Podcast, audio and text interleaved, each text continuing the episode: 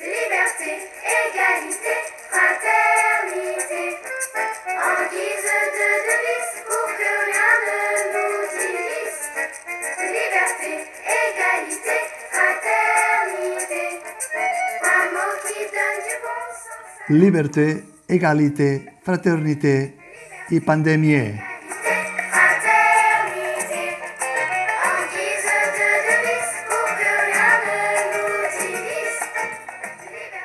El segon cap de setmana sense toc de queda, expressió antipàtica de temps de guerra, ha deixat clar que la comprensió ciutadana sense la repressió institucional no funciona. Prenent com a mostra només la nit i matinada de Barcelona, els desallotjats, avisats i dispersats de places i platges han estat superiors en nombre a l'esclat del primer cap de setmana. Més de 7.000, segons la Guàrdia Urbana. Un tast que trobaríem en menor grau en altres poblacions catalanes. Amb un afegitó pel que fa a Barcelona, l'arribada de desenes de joves provinents sobretot de França, on tenen un pont, que han baixat a Catalunya, Sotanyà, on diuen que la gent és bruta, deslleial, inculta, pobra, esclava, endormiscada i gens feliç.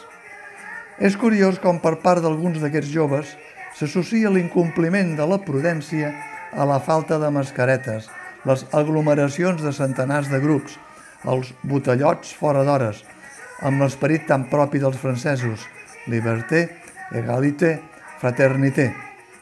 No hi ha liberté sense respecte a les mínimes normes de convivència. No hi ha égalité sense compliment de la normativa establerta en aquest cas per les autoritats sanitàries. No hi ha fraternité si no es pensa que amb aquestes actituds s'expandeix el virus.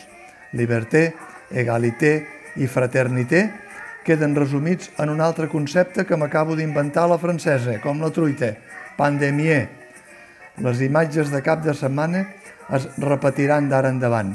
Més nits caloroses, més ganes de gresca, més relaxament, més creença que la vacunació ho resol tot, festivals que volen experimentar amb foraments més amplis, rebelles de Sant Joan, nits d'estiu, platja sota la lluna. Potser sí que l'estiu del 2021 serà més que mai el de la liberté, l'égalité i la fraternité, com diu el jovent francès que baixa a Catalunya. Però serà també el de la pandèmia. I el més greu és que afectarà el mateix jovent, el mateix que ara protagonitza una revolució nocturna, conseqüència dels tocs de queda sense cap ni peus, de les restriccions contradictòries i dels missatges eufòrics de tot s'hi val, ni que no sigui carnaval. El senyor coronavirus ja es frega les mans. Ell sí que campa amb liberté, sense egalité i amb molt poca fraternité, perquè sap que té una arma letal, la pandèmia.